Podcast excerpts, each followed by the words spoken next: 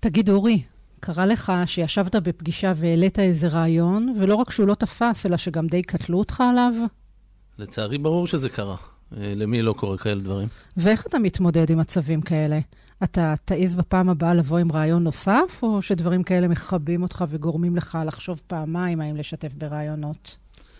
תראי, אני מניח שזה תלוי מי האנשים שאיתי בפגישה ועד כמה אני מרגיש בטוח לידם. האמת היא, זו שאלה מעניינת, והייתי שמח אה, לבדוק אותה קצת יותר.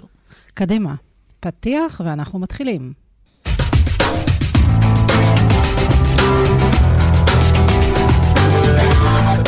שלום לכולם וברוכים הבאים לפרק נוסף בפודקאסט יוצא מן הכללית. אני אורי טורקניץ, מנהל המחלקה לפיתוח ארגוני, ואיתי אפרת שכטר, מנהלת בית ספר לניהול, ואנחנו מאגף פיתוח משאבי אנוש מחטיבת משאבי אנוש. והאורחת שלנו היום היא שירלי יובל יאיר. היי שירלי, תודה שבאת. אהלן, אהלן, קודם כל שם פצצה. יוצא מהכללית. כן. חייבת, חייבת להתחיל פה. עשינו על זה, עשינו על זה הרבה עבודה. מהמם. אמ, אנחנו הזמנו אותך אה, כדי לדבר על מושג שנקרא ביטחון פסיכולוגי בצוות, אבל לפני שנצלול לעומק הנושא, אנחנו רוצים להכיר אותך קצת יותר. אז שירלי היא פסיכולוגית מטפלת, והיא מרצה, ומנחת סדנאות. וחוץ מזה היא גם זמרת שמקליטה שירים, וסופרת שהוציאה מספר ספרי ילדים. מין טיפוס כזה שהוא גם וגם וגם, שזה נורא מעניין אותנו, והיינו רוצים לבקש ממך גם לספר לנו מתי את מספיקה לישון, וגם לספר לנו קצת איך כל הכובעים האלה משתלבים יחד. אה, בשבילי הגם וגמיות, העובדה שאני מערבבת אה, תחומים, היא ממש אה, בסיס לאושר שלי, לתחושת הסיפוק שלי. אני... זה מאוד מתאים לי, זה, זה לא חייב להתאים לכל אחד, לי זה התאים לערבב כמה מקצועות וגם זה לקח לזה הרבה זמן כי אני הייתי קודם אה, מוזיקאית אה, כמה שנים טובות ובמקביל למדתי פסיכולוגיה ואז כשהתחלתי לעסוק בפסיכולוגיה אז כולם אמרו שאני בעצם צריכה לוותר על המוזיקה ונהייתי מדוכדכת ואז הבנתי שאני מוכרחה למצוא דרכים לשלב את זה. אמ, אז בשבילי, הגם וגם לא רק שהוא משתלב, הוא גם אפילו עם השנים אה, יוצר איזה דבר שלישי תמיד, יוצר אה, משהו שהוא יותר גדול מכל דבר בנפרד. וזה נשמע שאת חייבת אותו. כן, אני רוצה אותו, בעיקר רוצה, אני יותר, עם השנים מנסה יותר לרצות ופחות להיות חייבת, אבל אה, רוצה זה אותו. זה טריק, טריק חשוב. כן. אמ, אני, אנחנו רוצים לעשות איתך תרגיל.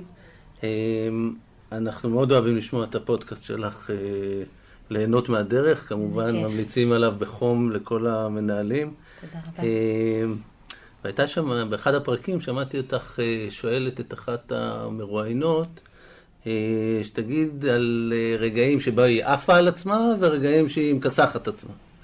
אז כאילו רצינו שאת תעשי על עצמך את הטריק הזה. איזה הפתעה. מין מה... לא, זה יפה, אני עכשיו מבינה למה אתם שאלתם אותי אם אני ארצה לקבל את השאלות, ואני אמרתי לא, אני לא.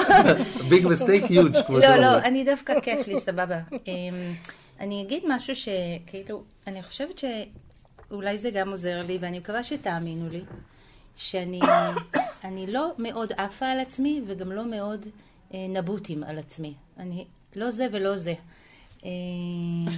אה, אני מאוד, אה, הרבה, לא יודעת אם זה ככה נולדתי או שככה גדלתי, גידלו אותי ככה. אה, אני יכולה לפעמים להיות מאוד מרוצה מאיזה הישג, או לשמוח מאוד בחלקי וזה, אה, אבל זה במידה, וגם ההפוך במידה. אני לא נורא נורא מייסרת את עצמי או כזה. אז אני כן אגיד, ואני זוכרת שזה גם דיבר עליי, לפני שנים קראתי ראיון עם אחינועם ניני, והיא סיפרה שבשלב מאוד מוקדם, איזה מישהו שעבד איתה אמר לה, היא קראה ביקורת נורא רעה, והוא אמר לה, אל תקראי את אלה כי את מאמינה להם, ואל תקראי גם את הטובות מדי, כי גם להם את מאמינה. תעשי את מה שאת עושה. אז אני שמחה בהישגיי, אני מאוד מאוד שמחה כשאנשים אומרים לי שמשהו שעשיתי עזר להם, שיש לזה, כשנותנים לי מחמאות, ויש לי, ואני גם לוקחת אותם מאוד באהבה. יש לי, יש לי קבוצת וואטסאפ שאני קוראת לה מילים טובות. אה, זה, פתחתי אותה עם עצמי, כן. ואז העפתי, נכון, עושים יש טריק כזה, העפתי, אולי פתחתי אותה עם בעלי ואז העפתי אותו. זה בדרך כלל עובד עם סידורים, זה גם עם מילים טובות. קבוצת מילים טובות עם עצמי, בגלל שלא רציתי כאילו לדפדף את הדברים הטובים שאומרים לי, לא רציתי כאילו לדפדף אותם. אז מצד אחד זה, ומתי אני, נוזפת בעצמי. אה, אני, אני קשה עם עצמי קצת כשזה נוגע לדברים שקשורים לתקתקנות יתר כזה. נשים נורא נורא מוצלחות בהנהלת הבית, בשלניות על, אה, בחלל, כל מיני כאלה שהן נורא על המשימות. אה, אני קצת פחות בדברים האלה. קצת קלאמזית בזה, קצת ליד, קצת, קצת זה פרך בשבילי, את מחייכת ברחמים. אה, באהבה, בחמלה. אבל גם עם השנים אה, אני באמת גם לומדת להתמספק. אה, זה בסדר שזה לא, לא, לא חייבים בהכל, ומה שאני מאוד מאוד מתאמצת עליו מגיעה איתו להישגים מסוימים בתחום המטבח, קבילים. אבל גם באמת מבינה את חוסר ה... אף פעם לא היה לי תפיסה שמשהו צריך להיות מושלם, וזה עוזר לי, גם לגבי עצמי וגם לגבי החיים שלי, של אחרים. אה, עניתי? ענית. או שאתם רוצים עוד נבוט? ענית מהמם. לא, ענית. אוקיי. את יודעת, אנחנו שואלים את המרואיינים שלנו תמיד, שאלה ששקלנו אם לשאול אותך או לא, אז בואי נראה איך תצאי ממנה, גם ממנה. אנחנו תמיד אוהבים לשאול, אם לא היית יועץ ארגוני, או אם לא היית מנחה, מה היית? כן. עכשיו, את את גם ככה הרבה דברים. נכון. אבל אולי יש עוד איזה משהו, שאם לא היית אותם, זה מה שהיית? לא, היום אני אגיד לך שאני כבר לא יכולה להגיד את זה. אין עוד. אין עוד. זאת אומרת, יש מלא דברים נחמדים לעשות, אה, שאני ארצה, אבל הגעת, הגעת. כן, כן. אה, רצינו לדבר איתך על ביטחון פסיכולוגי בצוות. מה זה אומר? מה זה בכלל הדבר הזה? איך מייצרים את זה? איך אני יודע להגיד אם בצוות שלי יש כזה או אין את זה? כן. אמ, אז אני אתחיל ואני אסביר כמה מילים על המושג הזה, אה, ביטחון פסיכולוגי, וגם אה, על ההקשר שלו לצוותים. ואני בעצם רוצה לספר לכם על מחקר נורא נורא גדול שנעשה בגוגל, שיש להם אה, גם משאבים וגם התבוננות. יש, הם משקיעים המון המון... התבוננות, משאבים, כסף, אנרגיה, בלחקור את החוויה של העובדים שלהם, כדי, מתוך הבנה שהכוחות המנטליים של אנשים, המרוצות שלהם, שביעות הרצון שלהם, הם, היא נורא חשובה, גם בשביל החברה. ויש להם מה שנקרא Human Analytics אה, Group, שזה קבוצה בתוך ה-HR, שחוקרים המון המון משתנים בחוויה של העובד. ובאיזשהו שלב היה פרויקט, קראו לו פרויקט אריסטו, והחליטו לחקור מה הופך צוותים לצוותים טובים, מנצחים. כי יש המון עבודה בצוותים בגוגל. ולפעמים יש מנהל מעולה, אבל צוות לא טוב. זאת אומרת, זה לא תמיד בדיוק הדבר הזה, ולא לא הצליחו להסביר. אמרו, בואו נחקור את הדבר הזה. ועשו מחקר, בהתחלה התחילו מלנסות לראות, הם אספו, הם אוספים המון המון דאטה, אוקיי? אז הם חקרו את כל ה... ראיינו 150 אה, צוותים על החוויה שלהם. בהתחלה הם חשבו שמה שיסביר את ההצלחה של צוות, והצלחה של צוות זה התפוקות, היעילות, השביעות רצון. חשבו שמה שיסביר את זה, זה מי יושב בצוות. וניסו לראות, אולי אם, אם תחברו ביחד אנשים מאוד דומים, אה, זה מה שגורם לצוות להיות צוות מנצח. אם תיקחו ההפך, אולי דווקא אנשים שונים, כן, בדיוק. כן. אולי צריך אנשים שהם אה, באים מרקעים שונים. אולי צריך להיות אנשים שכולם מקצוענים. ושום משתנה לא הראה באופן מובהק השפעה. כלומר, היו צוותים עם אנשים נורא שונים שעבדו פצצות, צוותים עם אנשים שונים שזה הסיוט. זאת אומרת, הם די מהר הבינו שזה לא השאלה מי יושב בצוות, אלא איך הצוות עובד. ואז חיברו את זה למושג שחקרו אותו, זה המחקרים על זה יצאו מהרווארד, שנקרא ביטחון פסיכולוגי. וביטחון פסיכולוגי הוא למעשה אמ, איזו תחושה שיש לבן אדם בתוך צוות, כשהוא יושב בקבוצה, שהוא יכול להיות נוכח כמו שהוא, שהוא עדיין שייך ויש פה איזה יחדנס, אבל מותר לו לקחת סיכונים. ביטחון פסיכולוגי זה הרגשה שאני שייך לכאן, שרוצים לשמוע אותי, שיש לי מה להגיד, שאני לא שקוף, ושלפעמים אני יכול לעשות טעויות. שלא כל דבר שאני צריך להגיד צריך לצאת נכון, מושלם, או, זאת אומרת, יש לי איזה העזה להיות אני עצמי. עכשיו, אני משערת שגם בשאלה הראשונה ששאלתם אותי על דברים שאני, אה, נגיד, מבקרת את עצמי, בגלל שאני מכירה אתכם, אני גם עובדת עם הכללית לאורך השנים, ואני מרגישה נוח עם שניכם. אז אני חושבת שזה עזר לי גם לא להרגיש מאוימת משאלה כזאת, כאילו, ויכולתי אה, פשוט לחלק את זה. עכשיו, בצוותים, מה שראו עוד, זה שהביטחון הפסיכולוגי הזה, הוא משהו שנוצר כתוצאה מנורמות שמתרחשות בתוך הצוות הזה. נורמות זה כללי התנהגות שמתקבעים, לרוב הם לא מדוברים, זה לא שעשינו איזה אמנה בצוות הזה, mm-hmm. זה לא קשור בכלל, זה משהו שנוצר מהקודים של ההתנהגות, זה קודים שקופים כאלה. אתן לכם דוגמה. מי אחראי עליהם? מי... מה שעוד ראו במחקרים זה שמי שאחראי על, יצ... על מי מנצח על הנורמות זה המנהל. למנהל. ואנחנו תכף נדבר, טיפה נסביר מה זה נורמות קודם. למשל, האם בצוות הזה מתפרצים אחד לדברי השני? האם זה, זה סוג ה... כל אחד שבא לו זה. האם בצוות הזה יש כאלה שמבחינה היררכית מדברים ראשונים ומדברים אחרונים וגם מדברים בכל הזמן באמצע, ויש את אלה שאף פעם לא מדברים? האם בצוות הזה צוחקים הרבה, אבל יש הרבה ירידות בקטנה. יש, יש, כאילו, מה שאנחנו אוהבים פה זה ירידות. דחקות. ומי שהכי יורד, והוא גם נורא מצחיק ושנון, אז נורא אוהבים אותו, אבל זה השפה פה. האם בצוות הזה אה, מותר לא לדעת? האם אה, אנחנו, חלק מהישיבות פשוט יושבים ולא יודעים, טוחנים מים, או שמהר מהר אומרים, טוב, נו, אתה מבזבז את הזמן. כאילו, אלה דברים שהם נורא נורא כאילו שקופים, הם, הם מתנהלים, אבל כשאתה פותח עליהם זרקור, מתחיל להסתכל עליהם, אתה תראה אותם, תזהה אותם. עכשיו, כולנו נמצאים בצוותים ויכולים לזהות נורמות. בואו ניקח את המשפחות שלנו. בכל משפחה זה מולקולה שיש בה נורמות. איך אוכלים ליד השולחן? מי, אה, מתי, מתי יושבים ביחד? מי קופץ? מי פוסל את מי? האם כשמישהו מספר משהו אז, אז אחרים מקשיבים או צוחקים עליו? האם אה, בכלל משתפים? ב, באיזה נושאים משתפים? האם מותר לשתף רק ב-X אבל ב-YZ mm-hmm. אף פעם לא מדברים עליהם? האם בצוות הזה מותר שיהיו חילוקי דעות או שנורא נורא חותרים לאיזה הרמוניה? פה יש הרמוניה בצוות שלנו. עכשיו, את הדברים האלה המנהל מתזמר. לפעמים באופן לא מודע, ולפעמים באופן מודע.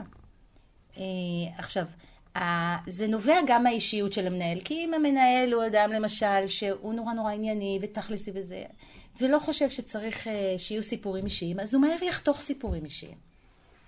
אם המנהל הזה הוא אדם נורא, שהתפיסה שלו היא שדברים צריכים להיות נורא נורא נורא ברורים ומאוד מוגדרים ביעדים, אז הוא יכוון את ההתנהלות שלנו לכיוון הזה mm-hmm. בלבד. זאת אומרת, אתם, אתם יכולים, גם אתם מנהלים, גם אתם יושבים בצוותים, אתם יכולים לזהות את מה שאני מדברת עליו כשאתם חושבים... אני, אני כשאני, כשאת מדברת, אני חושב על ש, שני דברים. אחד, באמת חשבתי על המשפחה, mm-hmm. על איך יש ילד אחד, נגיד, שהוא הילד הבכור, ואליו יותר מדברים. אה, אה, ראית את אה, זה וזה, נכון. במקום להגיד את זה לכולם. נכון. וחשבתי על זה שגם בצוותים שלנו לפעמים, נגיד ביחידה יש רופאים, אחיות, פקידים ורוקחים. והצוות שמוביל את המרפאה הרבה פעמים עושה שיח משותף עם כולם, אבל מאוד יכול להיות שיש בתוך זה את מי ששומעים יותר. את מי נכון. ששומעים פחות. נכון.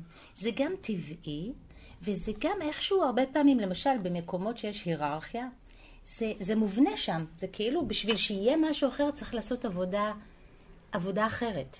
כאילו אפליה מתקנת. ואני אגיד ששני הדברים הכי משמעותיים לביטחון פסיכולוגי, זה אחד, להקפיד ששומעים את כולם. זאת אומרת, התחושה של אנשים שהם יכולים לשבת באופן, להרגיש, אני שייך למקום הזה, אני חלק, יש פה איזה יחד שיותר גדול מהכל אני בנפרד, זה עובר דרך זה שכל אחד מרגיש שיש לו מקום. אז למשל... כלומר, כלומר לסמן את השותקים, ממש. נגיד, בישיבת צוות, לסמן אותם, ולוודא שהקול שלהם יצא. להזמין אותם. ואם הם רגילים לשתוק הרבה, אז בהתחלה הם יגידו קצת. ואם אתה כמנהל שוב ושוב תחזור אליהם. ולא רק שתחזור אליהם, אתה כמנהל יודע, בוא נסתכל שוב, מורה איכשהו כ...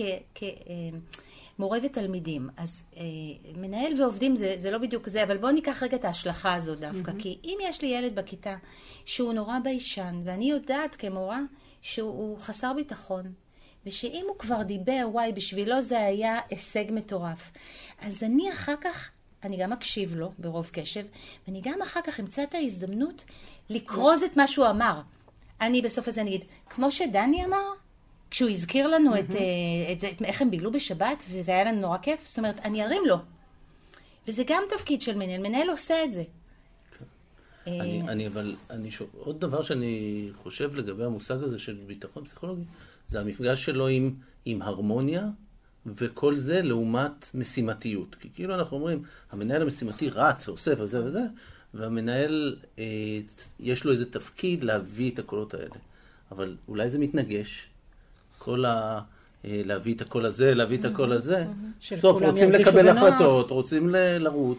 אז, אז דווקא בעניין הזה, זה בדיוק מה שהמחקרים, המחקר הגדול של גוגל מצביע עליו, הוא מצביע הפוך. בצוותים שבהם יש ביטחון פסיכולוגי, ההישגים, היעילות. התפוקות, היעילות, היעדים, הרי גוגל זה לא אה, עובדת סוציאלית, הם לא באו רק להיטיב. כן. זאת אומרת, הם עשו את זה בין היתר כדי לראות איך אנחנו בסופו של דבר מתפקדים יותר טוב. איך זה מתורגם לתוצאות. וזה מתורגם לתוצאות. ואני אגיד לך עוד משהו, לכם, חקרו המון משתנים מה מחזיק אנשים בסביבת עבודה, ואחד המשתנים הכי משמעותיים, יותר מכסף ויותר מתנאים, זה התחושה של שייכות. כשאני באה ואני מרגיש שיש לי פה אנשים, אני משמעותי, הם אוהבים אותי, זה נורא נורא חשוב. זה למשל אחד הדברים שבתקופת הקורונה כל כך קשה, מי שעובד מרחוק, כאילו לקחו את כל הנשמה. נשאר רק השלד. אני עובדת הרבה עם צוותים עכשיו שעובדים הכל באונליין, על איך מחממים ישיבות צוות, איך משאירים את המרכיב האנושי, איך פותחים ישיבת צוות בסבב, כי מה שאנחנו עושים כזה, עכשיו נכנסנו עכשיו, אנחנו בעולם האמיתי, איזה כיף, נכון? אז קשקשנו ונגסנו וצחקנו, ו... היה כמה דקות של... עכשיו, כשנכנסים לאונליין, לזום, כולם כבר אין להם סבלנות, אין להם זמן, יאללה, דוך למטרות, לאקסלים, ואנשים מתייבשים מזה. אז להפך, אני חושבת שהמרכיב האנושי, כשמנהל יודע שהמרכיב האנושי והמרכיב של לייצר פה תחושת שייכות וביטחון פסיכולוגי הוא קריטי, לתפוקות, ליעדים, mm-hmm. להישארות של אנשים בעבודה. זה, זה משאיר אנשים יותר זמן, יותר בנאמנות לארגון. אה, בעיניי זה לחם ומים, זה לא באמת, איזה... באמת איזה סוגים של טריקים נתקלת, ש... ש... או, או שאת מציעה למנהלים שככה מנהלים מרחוק, ואני יכול לדמיין איך באמת אנשים יושבים בזום ונוכחים נפקדים, מה שנקרא. ברור. נמצאים לא נמצאים. ברור. אז נדבר על זה גם בהקשר של הזום, אבל גם בישיבות בכלל, שאחד זה לתת מקום לזה שישמעו את כולם. גם בסבבים של אונליין, שומעים את כולם, צריך לשמוע את כולם, לראות את כולם, לתת לכל אחד להגיד את דעתו, או להשמיע, או לספר משהו על עצמו. גם להכניס דברים חמים כאלה, את האישי, לשאול שאלות אישיות. מנהל גם מייצר את הדבר הזה באמצעות הדוגמה. Mm-hmm. כלומר, אם אתה רוצה ביטחון פסיכולוגי בזה, אבל אתה לא אישי אף פעם, זה לא יקרה. לא. זאת אומרת, זה כמו, נכון? שוב הורות. ילדים תאכלו בריא. אני דוחף איזה, כאילו, מקדונלדס או מה שזה לא יהיה. כן. העוגיה, הרוגלה העשירי. אבל תאכלו בריא. העוגיות פה הן באמת בריאות. הן איומות, אבל הן טעימות. אז... אז קודם כל זה דוגמה, אתה לא יכול ל- ל- לחנך לביטחון פסיכולוגי אם אתה לא שמה, ו- ולא מקשיב גם, זאת אומרת, אתה לא יכול לזייף הקשבה. Mm-hmm. אז אמרתי שני דברים, דיברתי רק על אחד בביטחון הפסיכולוגי. אחד זה ששומעים את כולם, ושתיים, זה שיש מרחב לאנשים להביא גם את הטעויות, לא להיות תמיד רהוטים, אה, לספר גם לפעמים על כישלונות וטעויות. עכשיו, זה עוד יותר טריקי. אה, כי, כי כולנו, יש לנו, כולנו רוצים אה, להראות את הצד הפוטוגני. שלנו, כולנו, ועובדים במיוחד, הם רוצים שיהיו, גאים, כולנו רוצים שהמנהל יהיה גאה בנו, יהיה מרוצה מאיתנו, יהיה... אז איך מייצרים את זה? זה אלה מתקדמים, זה כאילו... אבל גם את זה מייצרים באמת בסבלנות וסובלנות לטעויות, ולמשל אחד הדברים זה גם אפשר לשאת דיסהרמוניה. אמרת, איך מייצרים הרמוניה? בצוות לפעמים אין הרמוניה, אבל אם המנהל לא מת מזה, אם לא כאילו, מראים ש... אה, מכירים את השלט הזה, כאן גרים בכיף, נכון?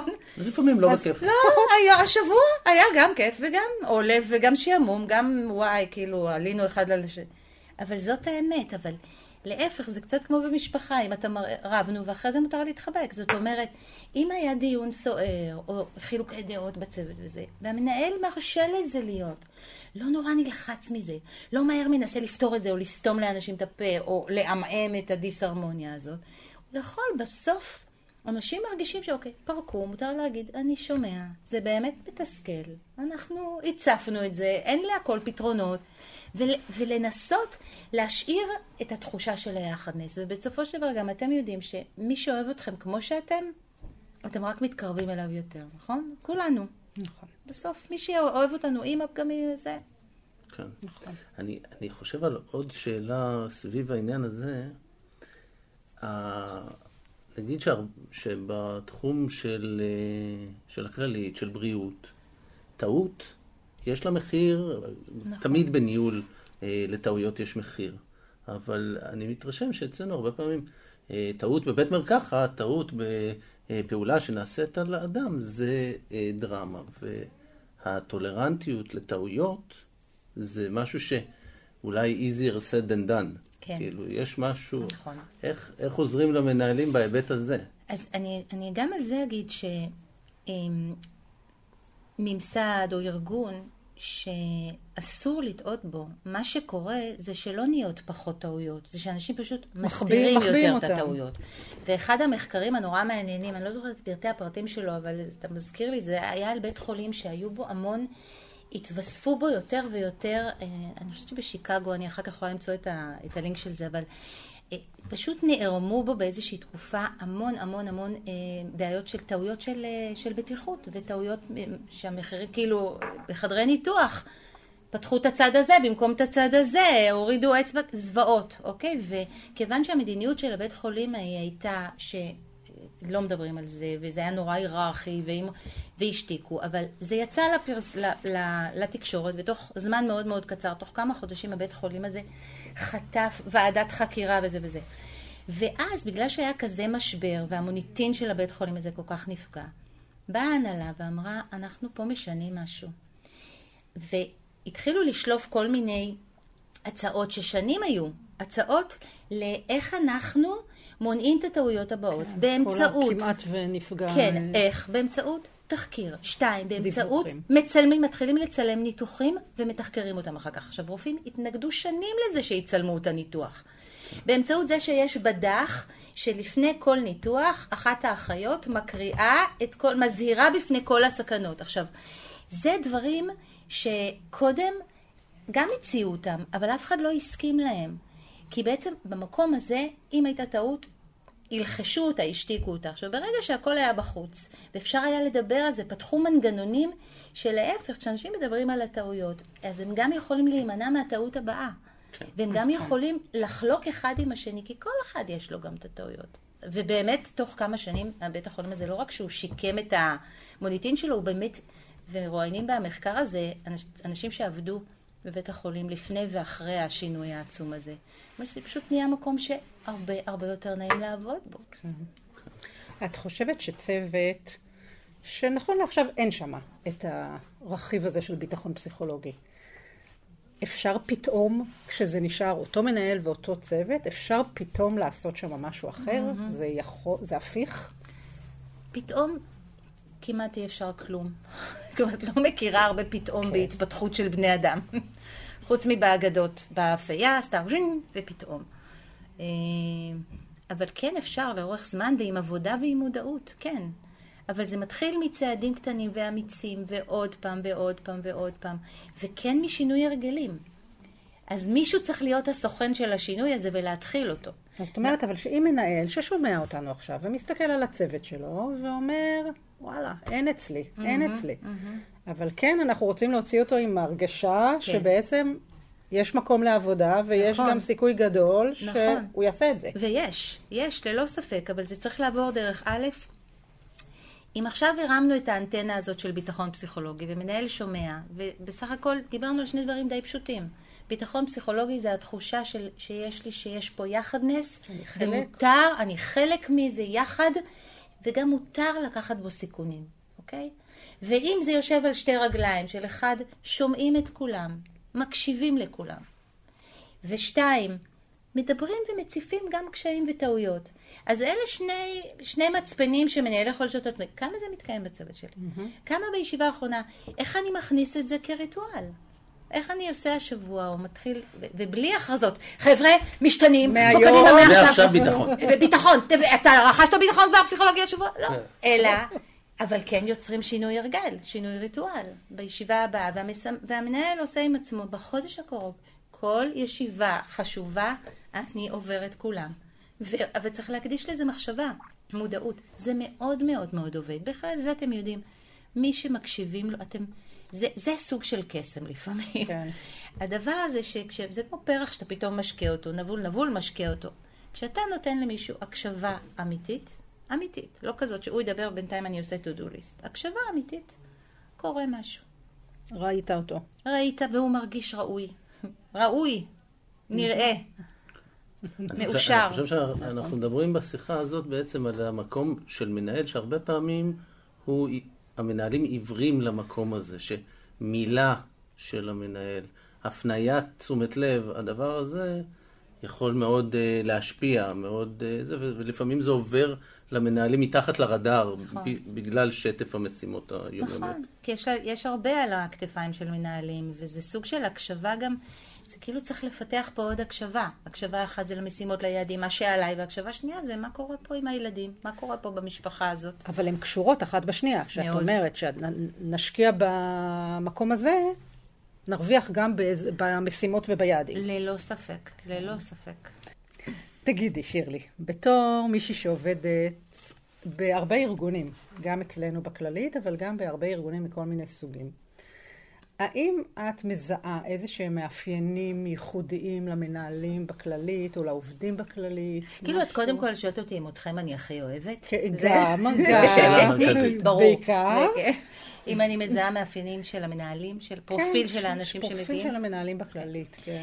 אז אני, אני אגיד שמה שאני כן רואה, שבגלל שההכשרות שעושים פה, אני מלמדת פסיכולוגיה חיובית כאן, אז, אז, אז קודם כל מי שבא זה אנשים שמראש יש להם אה, משאלה להתפתח, והבנה ש, שניהול עובר גם דרך ה soft skills, כאילו לא רק משימות, זה, שצריך לחשוב גם על, ה, על ההון האנושי, ואיך אתה מטפל בו, ואיך אתה מטפל בכוחות המנטליים של העובדים שלך ושל עצמך. אז א', זה באמת פתיחות לזה שאני רואה אצל המנהלים.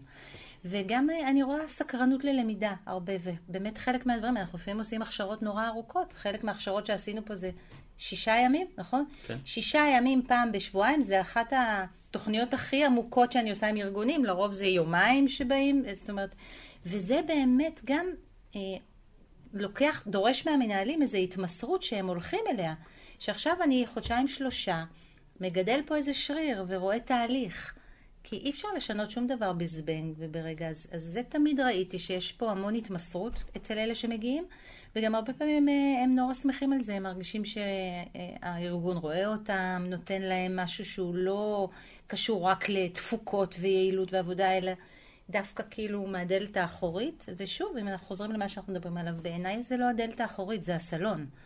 הסלון זה שאנשים ירגישו שייכות למקום ושבטוח להם בו מבחינה פסיכולוגית. זה משאיר אנשים וזה מוציא מהם את הטוב ביותר בסופו של דבר, גם כעובדים, גם, גם כאנשים יעילים ופרודוקטיביים.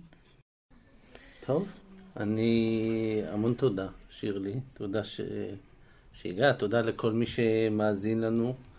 אה, אנחנו מקווים שיצאתם מהשיחה הזאת עם טיפ או שניים, ובעיקר עם חומר למחשבה על עצמכם, על הניהול שלכם, על הצוותים שלכם. אנחנו מאוד נהנינו. מאוד נהנינו. גם אני, תודה. נתראה בפרק הבא. ביי. ביי. ביי.